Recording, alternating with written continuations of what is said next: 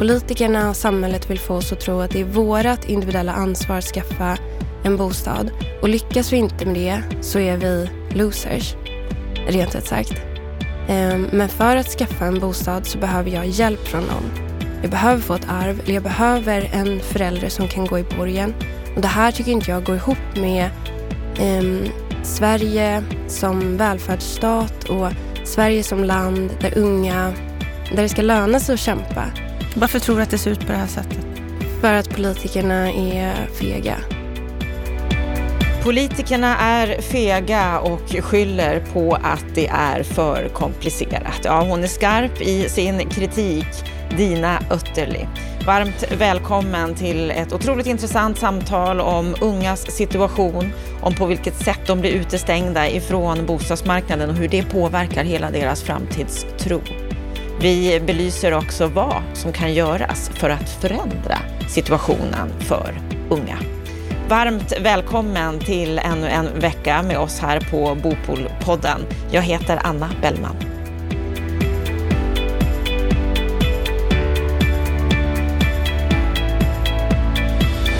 Idag finns det över 400 000 unga mellan 20 och 27 år i Sverige som inte har ett tryggt boende. Detta enligt Hyresgästföreningens rapport Unga vuxnas boende. De svaga individerna de blir förlorare i dagens system. Det menar vår poddgäst idag, som också har en lösning på problemet. Varmt välkommen till Bopolpodden, Dina Ötterli. Tack så mycket. Vad är din sinnesstämning idag? Ja, jag vet att du brukar fråga det, så jag tänkte, hur ska man svara? Eh, men det ärliga svaret är att jag är ganska frustrerad och lite trött för att jag har varit sjuk. Men nu mår du hyfsat bra, eller? Ja. ja fast frustrerad, på vilket sätt? Jag tycker inte att politikerna gör sitt jobb. Och det gör dig frustrerad? Ja, verkligen. Och då är det ju bra att du har det jobb du har. Du är förbundsordförande för Jag vill ha bostad.nu. Mm. Vad är det för organisation? Eh, det är en ungdomsorganisation för unga mellan 16 och 30 år. Och eh, vi jobbar helt enkelt för att alla, alla i samhället ska ha ett tryggt boende. Eh, och med tryggt boende, det är ganska viktigt där, då menar vi att man antingen äger sin bostad eller har besittningsrätt. Ehm, så det är vårt mål. Och sen så jobbar vi både lokalt genom våra lokalavdelningar på sex orter i landet, ehm, men också nationellt. Och framförallt inom tre olika områden som är innovation, där vi eh, försöker hitta lösningar på bostadskrisen. Ehm, vi jobbar också med konsumentupplysning till unga, ehm, men framförallt opinionsbildning. Och era ansträngningar inom detta, det som du kämpar för eftersom du är så frustrerad, ger mm. det något resultat? Ja, det gör det ju delvis. Men vi finns ju också kvar och vi har ju debatterat samma sak i 20 år. Vi fyller faktiskt 20 år i år. Ehm, till en början så handlade det om att vi pratade om att det kommer komma en bostadskris. Sen pratade vi om att det är en bostadskris och ni måste börja bygga. Nu byggs det mer än någonsin, det håller jag med politikerna om. Men det byggs inte för oss. Så vi är ju fortfarande utestängda från bostadsmarknaden. Och vi, då menar du unga? Ja, de här 400 000 mellan 20 till 27. Sen ska vi komma ihåg att jag företräder ju folk mellan 16 och 30, så det är ju ännu fler människor än så. Hur stort är det här problemet om du skulle beskriva det? Det är jättestort. Alltså det handlar ju om unga människors tro på välfärden, på, på samhället vi, vi lever i och i slutändan ungas tro på eh, jämlikhet och eh, framtiden och demokratin. Alltså det är nog, det är nog större än vad politikerna eh, tror och vill få oss att tro. Du upplever inte att de förstår allvaret? Nej, de är rädda och fega tycker jag. På vilket sätt då? Vi får ofta höra i kontakt med politiker att de antingen så är de nöjda för att de bygger och då menar vi att de bygger inte, de bygger inte för oss så det är inte relevant. Eller så tycker de att de, de gör så mycket de kan Och de säger att men det kommer ta tid. Och det förstår vi också. Men därför måste man ju kombinera långsiktiga lösningar med kortsikt, kortsiktiga lösningar. Och det, det görs inte tillräckligt. Om vi tittar på, på politiker på, på kommunal nivå och på politiker på riksnivå, var skulle du säga att största problemet ligger någonstans? Det är nog lika stort på båda, på båda håll. Men sen beror det också på vilka kommuner. Det finns kommuner som är bättre än andra. Men generellt när vi träffar kommuner så, så får vi just höra det. Att det vi får ofta höra att det är oerhört komplicerat. Och jag tror att egentligen så är det en omskrivning för att säga att politikerna inte vet riktigt vad de håller på med. Ärligt talat alltså. Att de inte vill erkänna menar du? Mm, Kunskapsbrist? Mm. Mm. Vi återkommer till det här. Jag vill, jag vill först lära känna dig lite mer Dina. Mm. Du vad var, har varit regionchef på Sveriges elevkårer. Du har jobbat som verksamhetschef på jagvillhabostad.nu. Och vad jag förstår så ditt engagemang i det här området har bland annat kommit av att du har känt dig sviken av samhället när du flyttade hemifrån och möttes av de dubbla låsen. Vad betyder det? Ja, men de dubbla låsen är en ganska bra och enkel förklaring på eh, unga vuxnas svårigheter att ta sig in på bostadsmarknaden. Eh, det handlar om att vi är utelåsta från både den ägda marknaden och den hyrda marknaden. Eh, vi har inte kapitalet för att köpa bostad och vi har inte kötiden för att hyra. Och sen till det så tillkommer det ju en massa problem. Om jag tar mig själv som exempel så efter gymnasiet så hade jag ett fast jobb. Jag jobbade som regionchef på Sveriges elevkårer. Jag sparade liksom allt vad jag kunde. Men prisutvecklingen gick snabbare än vad jag kunde spara. Och även om jag kanske skulle haft turen att ha ett eh, arv eller lyckats spara ännu mer, ännu snabbare och lyckas få ihop den här kontantinsatsen som skulle räcka. Ja, men då skulle jag fortfarande behövt hjälp kanske av en närstående eh, som går in med sin inkomst går, in, går i borgen. Och det är samma sak, hamnar vi längst fram i bostadskön då är det ofta nyproduktion som vi kan efterfråga. Och där har, så finns det ofta inkomstkrav som sätter stopp. Um, men det är de dubbla låsen. Och det här tycker jag också är uh, det absolut största problemet för unga på bostadsmarknaden. Att um, vi har byggt ett system där unga personer um, Politikerna och samhället vill få oss att tro att det är vårt individuella ansvar att skaffa en bostad. Och lyckas vi inte med det så är vi losers, rent ut sagt. Ehm, men för att skaffa en bostad så behöver jag hjälp från någon. Jag behöver få ett arv, eller jag behöver en förälder som kan gå i borgen. Och det här tycker inte jag går ihop med um, Sverige som välfärdsstat och Sverige som land där, där unga um, där det ska löna sig att kämpa. Varför tror du att det ser ut på det här sättet? För att politikerna är fega. Ja, du återkommer till det. Ja, men det är så. För att de är rädda för att eh, trampa medelklassen på tårna. Eh, de är rädda för att eh, göra de stora politiska förändringar som behövs. Eh, när Per Bolund till exempel, nu sitter ju inte han kvar, Ehm, men när han står och inviger en eh, bolundare på en villatomt i Täby så sticker det i ögonen på oss. För att ett, det är inte en trygg boendeform. Två, det är väldigt feg politik. Det är inte bolundare som kommer göra skillnad för, för oss unga. Vi vill ha ett tryggt boende. Vi vill ha besittningsrätt eller vi vill kunna äga eh, vår bostad. Och det har ju du idag, men innan du kom dit så fick du flytta 18 gånger på två och ett halvt år. Mm. Hur var det? Det var det är de, den stressigaste tiden i mitt liv. Allt kretsade kring att hitta nästa boende? Mm, så var det ju. Och vad hittade du för typ av boende? Um, ja, det var allt möjligt. Korta andrahandskontrakt. Men egentligen vill jag inte prata så jättemycket om min egen boendesituation. För det här... Mm, varje gång media kontaktar oss till exempel så vill de ha såna här case och de vill liksom ha historier att förfäras över och jag känner att vi vet redan att det är jätte, jättehemskt. Och siffrorna borde ju tala sitt tydliga språk. Att 400 000 unga mellan 20 till 27 inte har ett tryggt boende.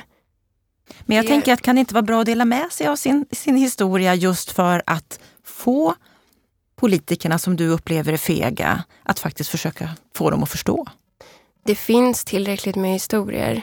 Hyresgästföreningen Region Stockholm samlade förra hösten in över 3 000 berättelser bara från Stockholmsområdet där människor beskriver sin fruktansvärda situation. Så jag skulle väl egentligen säga till politikerna och till media att läs de berättelserna och fokusera sen på lösningarna, för det är de vi måste prata om.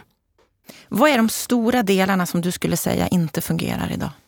Um, vi har skapat ett system där det finns verkligen ett innanförskap och ett utanförskap. Och det är vi som är utanför.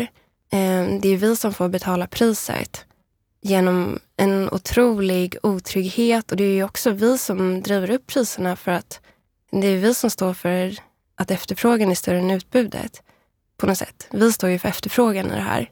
Och, men det största problemet är ju att um, det som byggs idag, um, vi unga kan inte efterfråga det, skulle jag säga. Och så har vi kreditrestriktioner. Mm som eh, sätter käppar i hjulet för er bland annat. Mm, absolut. Som Där... har återförts igen när det gäller amorteringskraven. De har varit borta en period här nu under pandemin. Hur, hur ser du på dem? Ja, vi är, ju, vi är ju för att man ska undanta unga från amorteringskravet i fem år. Eh, vi vill jättegärna se en utredning av hur det här har slagit mot unga, kreditrestriktionerna. För jag kan ju känna att det eh, det, är, eh, det är ju bra att staten håller koll på eh, svenskarnas skuldsättning. Det tycker jag är deras ansvar. Men man måste ju också ha koll på hur det slår mot unga. Och det har man inte? Nej, man har inte, man har inte utrett det. Och på något sätt så, det är ju våra politiker som under 30 års tid har sett till så att den här bostadsbristen har fått växa fram. Och att bostadsbristen har vuxit fram har ju lett till att det är väldigt höga priser idag eftersom att utbudet inte möter efterfrågan. Och redan där har vi ju liksom ett straff mot oss unga. Och sen på det så skapar man kreditrestriktioner för att se till så att vi svenskar inte är för skuldsatta. Men inte... Ja, det, det är ju en fin tanke. Vi ska inte belåna oss för mycket. Visst, men det är ju inte, det är inte vi unga, det är ju inte vårat fel att bostadspriserna är så här höga. Det är ju för att politiken inte har sett till så att marknaden har kunnat bygga tillräckligt. Det är ju många som eh, går emot Finansinspektionen och politiken här och visar på olika exempel på varför det här inte fungerar och på vilket sätt de tänker fel. Varför tror du inte att man tar åt sig av den kritiken? Ja, det, det råder ju delade meningar om det där. Jag förstår ju att eh, Magdalena Andersson vill lyssna på Finansinspektionen men det vore nog bra att lyssna på fler instanser också. Vad är det du vill se? Um, ja, på tal om de dubbla låsen så brukar jag säga att det finns faktiskt två nycklar till dem. Det här med att vi inte kan ta oss in på den ägda marknaden. Um, där vill vi se där vill vi se ett startlån för förstagångsköpare och vi vill se det den här mandatperioden. Eh, men nu har den utredningen på det området den har skjutits eh, och presenteras i mars nästa år. Och eh, vi har fått ganska tydligt förklarat för oss att eh, om det inte kommer ett så länge det inte kommer ett delbetänkande nu i senhösten så blir det ingenting innan valet. Och eh, Nyckeln till det andra låset är ett ökat investeringsstöd. För att vi tycker att det är helt orimligt att man lägger eh, 17 miljarder på ränteavdraget men eh, 2,3 miljarder på investeringsstöd till eh, hyresrätter med rimliga hyror. Och dessutom kan inte investeringsstödet användas på alla ställen i landet där marken helt enkelt är för dyr så går det inte att pressa ner hyrorna så pass lågt att man kan som byggherre använda sig av investeringsstödet. Så att eh, ett startlån och ett ökat investeringsstöd. Men eh, det är samma sak där. Den bostadssociala utredningen har också skjutits upp till mars nästa år. Och så länge det inte kommer ett delbetänkande under senhösten så blir det ingenting innan valet. Två uppskjutningar här som är viktiga för bostadspolitiken framåt. Och presenteras det under våren så det är kort om tid för att verkställa några beslut för politiken. Mm. Och på tal om att politikerna är fega så har vi också fått det väldigt tydligt förklarat för oss att eh, vi borde hoppa och jubla över att de här utredningarna görs just nu.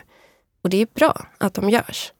Men de lär ju inte leda till någonting. Känns det så? Absolut. De har ju skjutits upp nu. Och sen kommer det bli ett val.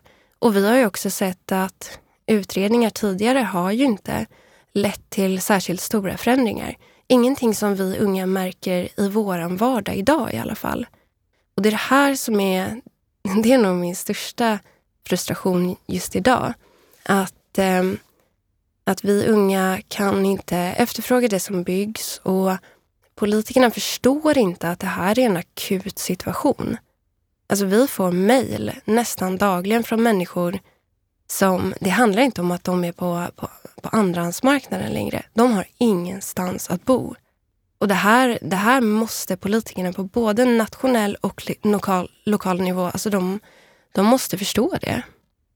Ni har ju eh, en lösning till när det gäller att hjälpa unga individer med, med svagare inkomst att eh, faktiskt få ett boende.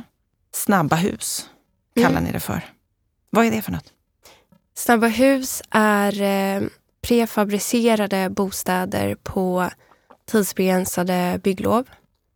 Och det här gör att man kan, att de är prefabricerade eh, gör att man kan, man kan bygga dem väldigt snabbt. Alltså själva konstruktionen går snabbt att bygga.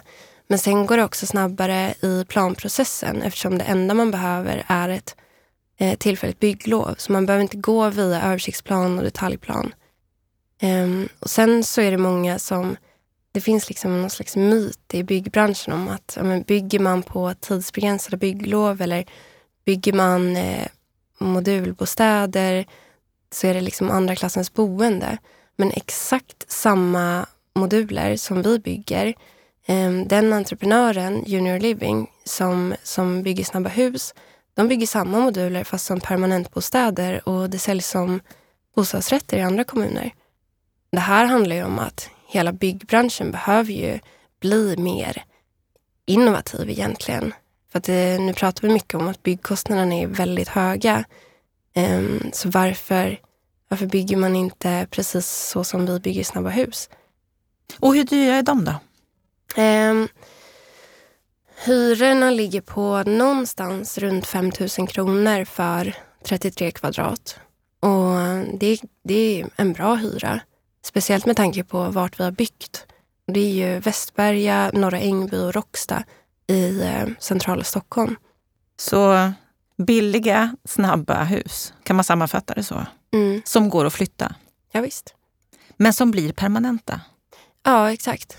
Eh, tanken är att de ska kunna flyttas tre gånger och sen ska de stå permanent. För att, just för att de har permanent standard. Um, och vi är jättestolta över projektet Snabba hus. Det, det vi ville göra var ju att bygga våra pilotprojekt eh, och sen så vill ju vi att kommunerna ska eh, lära av varandra. Och inte minst att Stockholm ska fortsätta att bygga på det här sättet. Men där möter vi också ett enormt motstånd. På vilket sätt då? Hur ser det motståndet ut? Ja, senast när jag var på Frihamnsdagarna 3 september och debatterade mot eh, både oppositionsledaren och även ordförande i kommunen, så säger båda. Den ena oppositionen är från S och ordförande från M. och båda säger att de vill inte bygga på tillfälliga bygglov. Varför vill de inte det? Vad har de för argument till det? Jag tror att det handlar om att då måste man som politiker först erkänna att man har ett akut problem. Och där är vi inte än. Att det ligger lite prestige i det här? Jag tror det. Och på de platser där ni har byggt snabba hus, hur har det tagits emot? Ja, men det har varit lite olika. I, i Västberga, det är ju ett, ett industriområde och där säger också översiktsplanen att det ska fortsätta vara det.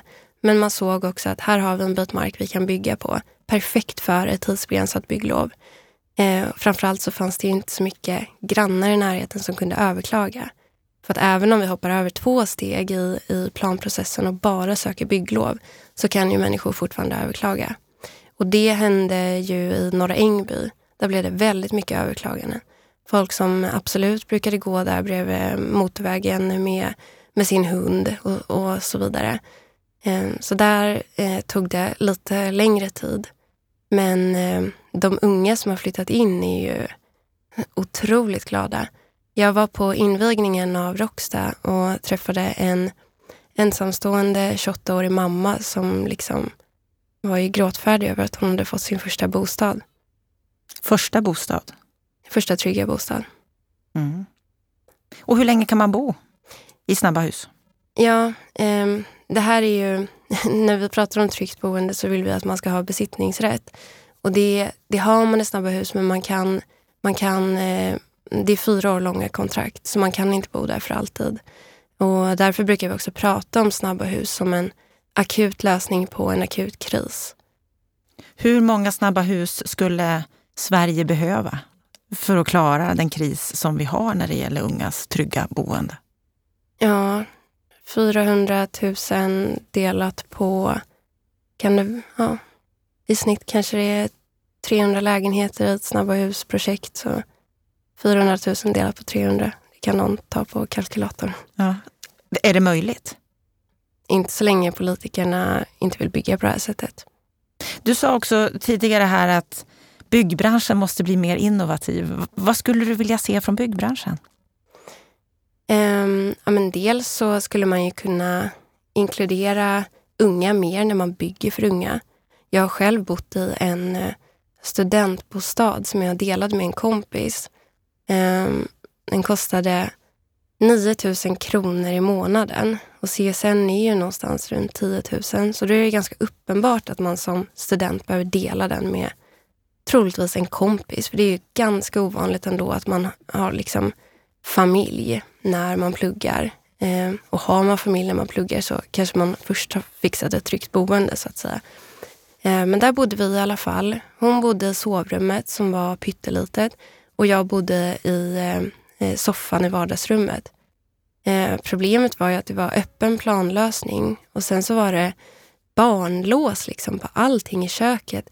Så det kändes ganska uppenbart att eh, eh den byggaren som hade byggt de här bostäderna inte hade byggt dem för målgruppen. Och det där tycker jag att man träffar på ganska ofta. Så när vi bygger snabba hus, ett av kriterierna för att få kalla det snabba hus, det är att unga har inkluderats i processen. Unga får tycka till om allting, från planlösning till eh, innergård. Liksom. En, en, sak jag, jag, tänkte på när jag, när jag läste på om er på jagvillhabostad.du, det är att ni också har någonting som ni kallar för Bopinion. Just på det här med att du säger att unga borde vara med mer och tycka till och vara mer engagerade. För ni har ju skapat den här Bopinion tillsammans med Riksbyggen och Sveriges Byggindustrier för att sänka tröskeln för unga att engagera sig i bostadsdebatten. Och det här är en parlör kan man säga. Mm. En, eh, en begreppsguide. Är unga för, för dåliga när det gäller bostadsfrågor och bostadspolitiken? Är de för dåligt insatta? Nej, jag tycker att debatten håller en för hög nivå. Um, På vilket sätt? Nej, men det är ju många svåra ord. Översiktsplan, planprocess, presumtionshyra, kalpränta. Alltså, det är ju inte alla unga som, som vet vad de här sakerna betyder. Förmodligen inte alla vuxna heller. Nej, verkligen inte. Um, och sen om man, om man går och träffar sådana politiker för att man vill helt enkelt ha svar på varför det inte byggs så, så får ju vi ofta höra att det är oerhört komplicerat. Alltså det går inte ens att förklara. Att de säger det till er? Ja. Att ni förstår inte? Mm. Så det är ingen idé att vi ens försöker förklara? Jag tror För det går de, inte att förstå? Jag, jag, tror inte de kan förklara. Jag tror att det är det det handlar om. Det är för komplicerat för dem också? Mm. Ja, men jag fick ju höra också på Frihamnsdagen under ett seminarium att där fick jag också höra det igen eh, från Swedbank att ja, men det är viktigt att förstå att det är oerhört komplicerat det här med bostadsbyggande. Och visst, det är komplicerat, men det finns ju också lösningar. Ökat investeringsstöd, startlån för oss unga och vi kan liksom inte köpa myten längre om att um, de statliga utredningarna ska leda till något, för det gör de oftast inte. Ingenting som gör skillnad för oss. Vi kan inte köpa myten om att det är så oerhört komplicerat heller. Det svåra är väl att man måste svika en stor grupp väljare. Eller svika och svika. Man, folk måste missgynnas om man ska få in oss unga på bostadsmarknaden. Och därför krävs det modiga politiker. Och det krävs ganska stora grepp, mm. som du har efterlyst här. Mm. Vad är det för stora grepp du vill se? Um, nej men jag vill ju se ett, um, ett startlån för förstagångsköpare. Och om man är rädd för att det ska driva upp priserna, för det har jag fått höra som den största oron. Liksom. Ja, men eh, fasa ut ränteavdraget då? Det är inte svårare än så menar du? det är klart att det behöver utredas. Eh, men jag tror att vi kan göra hur många utredningar som helst. Ingen utredning kommer komma fram till att det här är universallösningen som gör att inga människor på bostadsmarknaden missgynnas. Eh, och ändå kan vi få in de unga på bostadsmarknaden. Det kommer liksom inte bli så. Vi har ett system nu med innanförskap och utanförskap. Där vi som är utanför eh, bidrar till efterfrågan som gör att de som är innanför framför allt tjänar väldigt mycket på sitt boende om de äger sitt boende. Eh, jag såg på Ekonomibyrån på SVT att eh, folk som bor i Danderyd, de har under de senaste åren har de tjänat två, över 2 000 kronor om dagen bara på att bo. Och det här... Ännu mer under pandemin. Säkerligen. Och eh, det här är ju någonting som politikerna måste våga ta tag i. Och ändå så pratar ofta politiker om att lägenheter är svaret på många av våra problem. Hur ser du på den retoriken? Ja, alltså så länge vi har presumtionshyresystemet, så länge det kostar otroligt mycket för byggbolag att, um, att bygga helt enkelt, inte bara byggkostnader utan även den byråkratiska biten, um, så kommer det ju vara otroligt dyrt att bo i hyresrätt. Och jag vet att det är dyrare att bo i hyrt boende än i ägt boende om man jämför eh, nyproducerad bostadsrätt och nyproducerad hyresrätt. Eh, så att så länge det är väldigt, väldigt dyrt så, så kommer inte det vara lösningen på ungas inträde på bostadsmarknaden.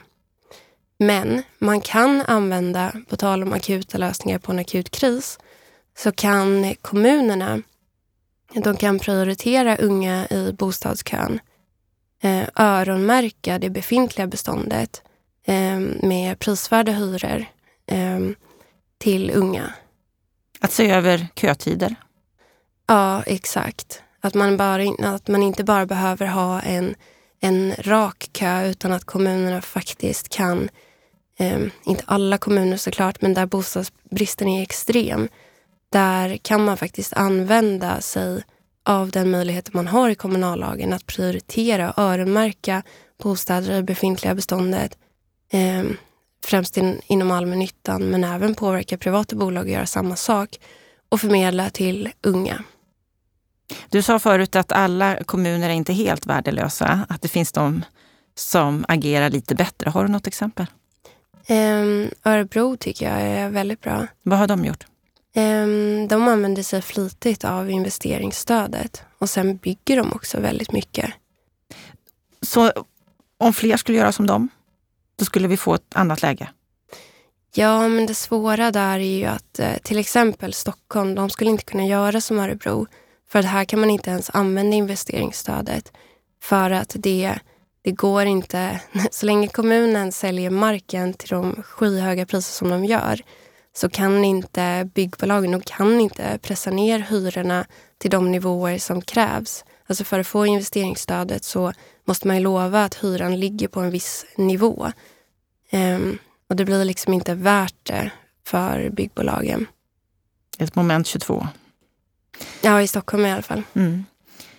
Du är frustrerad. Mm. Du låter lite uppgiven. Finns det någon ljusning där framme? Kommer vi att få en, en bättre situation för unga i Sverige? Vi, vi, måste, vi måste få det. Men jag brukar nästan jämföra bostadskrisen med klimatkrisen faktiskt. Det är också en ganska bra förklaring till varför politikerna gärna skjuter problemet framför sig. För att eh, både klimatkrisen och bostadskrisen har ju växt fram under en väldigt lång tid. Eh, och det känns som, eller jag upplever det som att när regeringen, eh, när corona dyker upp, ja men då är det en kris som dyker upp under en mandatperiod. Då måste den också lösas under den mandatperioden. Då finns det plötsligt hur mycket pengar som helst till eh, lokalhyra för företag, permitteringsstöd. Eh, helt plötsligt kunde man ta bort fribeloppet på CSN till exempel. Någonting som har gjort stor skillnad för våra medlemmar. Nu kan de jobba och studera och lägga undan CSN faktiskt till eh, ett bostadsköp till exempel. Eh, men kriser som har vuxit fram under lång tid, där verkar det som att politikerna tänker att det finns ingen anledning att vi ska lösa det här nu. Och vad har klimatkrisen och bostadskrisen gemensamt? Jo, man måste missgynna stora väljargrupper för att faktiskt få till en reell skillnad. Ja, om ett år är det val. Mm. Vi får se hur högt upp på agendan bostadsfrågan är då. Mm. Jag vill ha bostad.nu, har funnits i 20 år, borde egentligen inte finnas.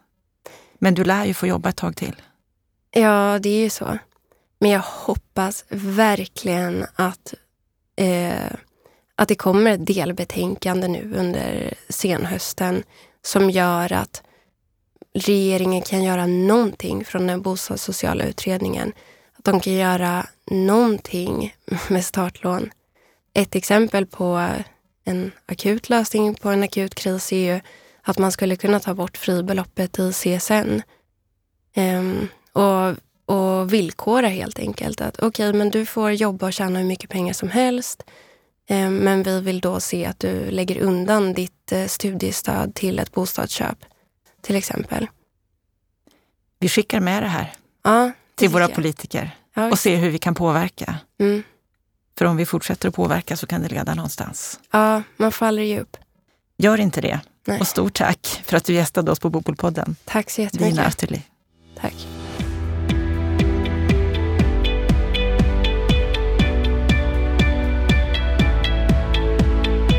Då har vi hört samtalet med Dina Ötterli. Vad säger du om det här samtalet, Lennart Weiss?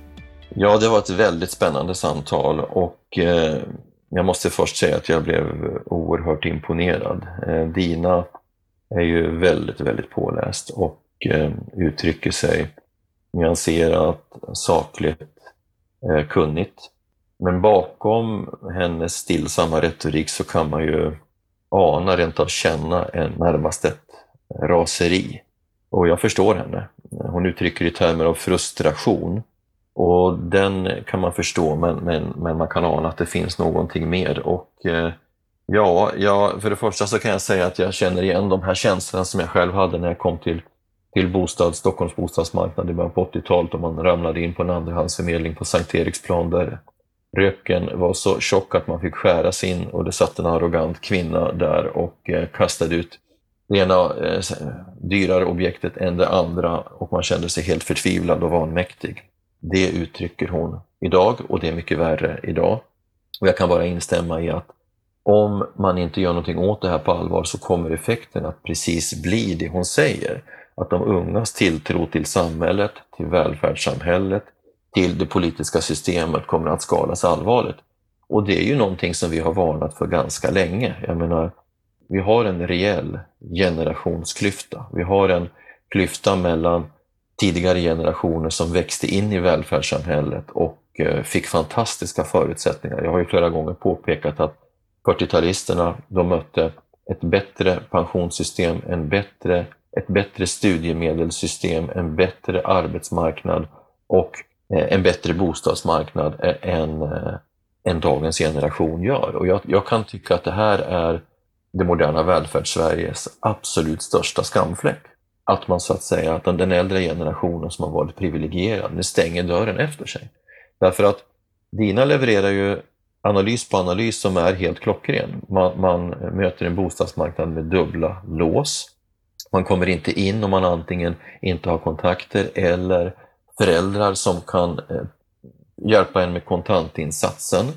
Och det betyder ju egentligen att det som vi berömmer oss för är en grundläggande egenskap i det svenska välfärdssamhället. Att eh, man kan, tack vare vårt välfärdssystem, göra sin klassresa på egna villkor. Vi har, vi har, att vi har ett välfärdssamhälle som bygger på social cirkulation helt enkelt. Det fungerar inte. Utan när det gäller bostadsmarknaden så gäller återigen gamla klassbarriärer.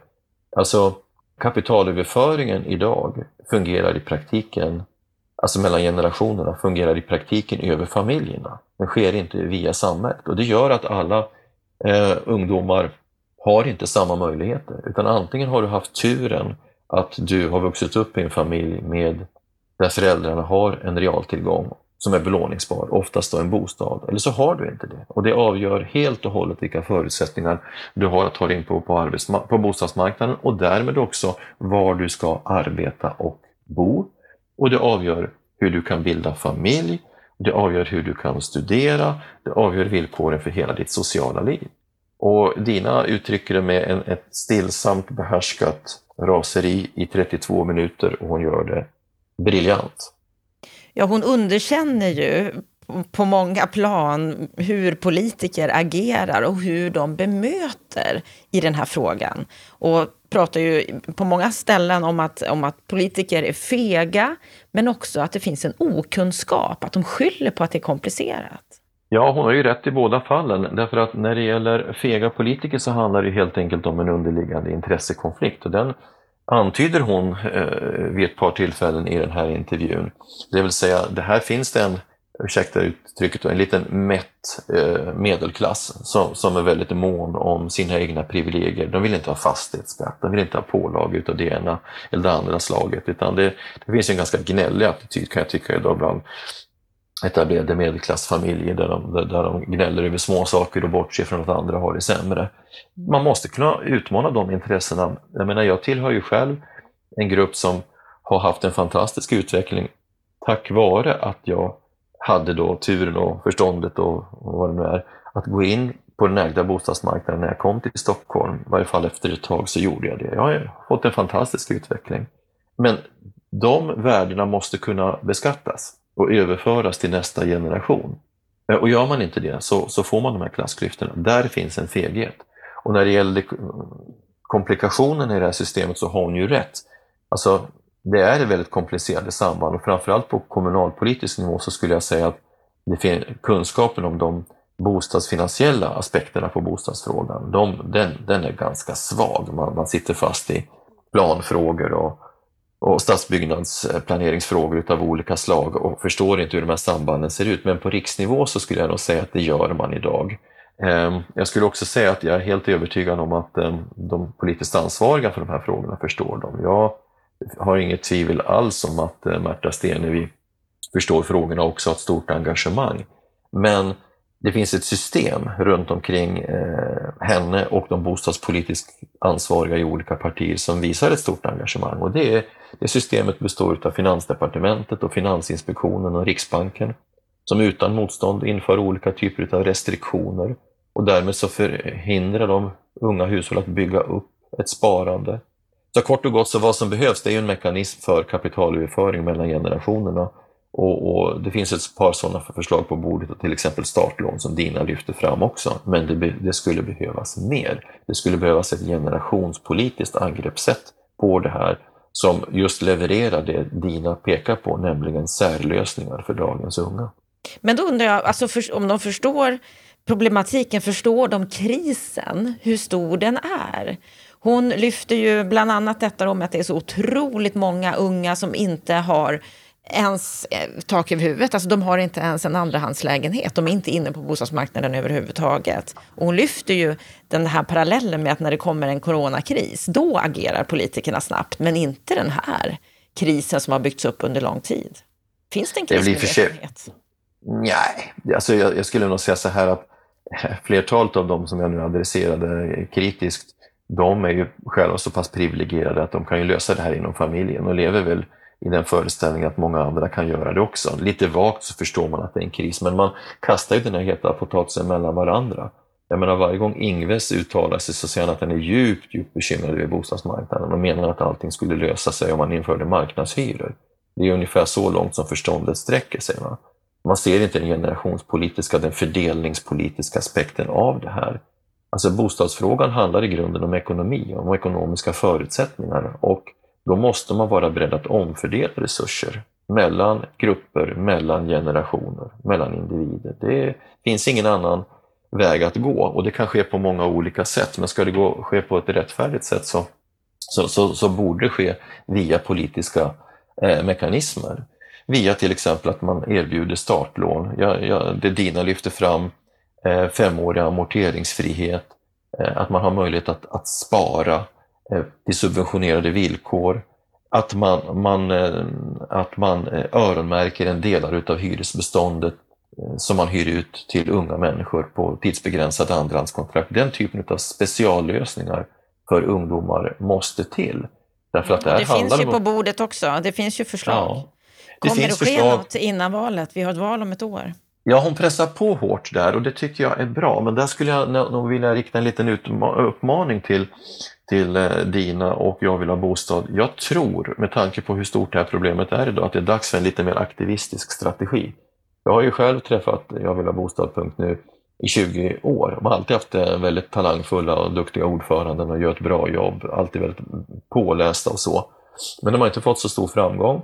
Jag tror att man har varit lite för snälla och kanske underskattat kraften eh, som ligger i en, i en aktiv opinionsbildning. Jag tycker de ska lära av Greta Thunblad. Det finns många olika aspekter på hennes sätt att bilda opinion som man kan lära av här. Man får gå ut på gatorna, man får vara lite fräckare, man får vara lite tuffare. Alltså, att ta till revolt vore väl ett för, för hårt ord och för drastiskt, men man måste visa att man menar allvar. Så den här behärskade ilskan behöver också transformeras i mer synliga uttryck som gör att man hamnar högst upp på mediatablåerna och hamnar i tv och utövar ett tryck. Det är bara ungdomarna som kan få in den här frågan i bostads i valrörelsen nästa år. Det är ingen annan som kommer att orka med det tyvärr. Så mer aktivism, lite mer upp på barrikaderna så får vi hoppas att den här frågan får ett ännu större gehör hos våra politiker och att de inte längre gömmer sig bakom feghet och skyller på att det är för komplicerat. Och då kommer du och jag och flera andra att backa upp dem med all kraft, så är det Anna. Så är det, det gör vi. Stort tack för den här kommentaren, Lennart Weiss. Och stort tack till dig som har lyssnat på Bopolpodden. Det är vi väldigt, väldigt glada för.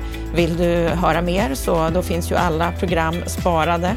Och vill du läsa mer om vad som händer inom bostadspolitiken, då går du in på bostadspolitik.se. Med detta så önskar vi dig en fortsatt fantastiskt fin vecka.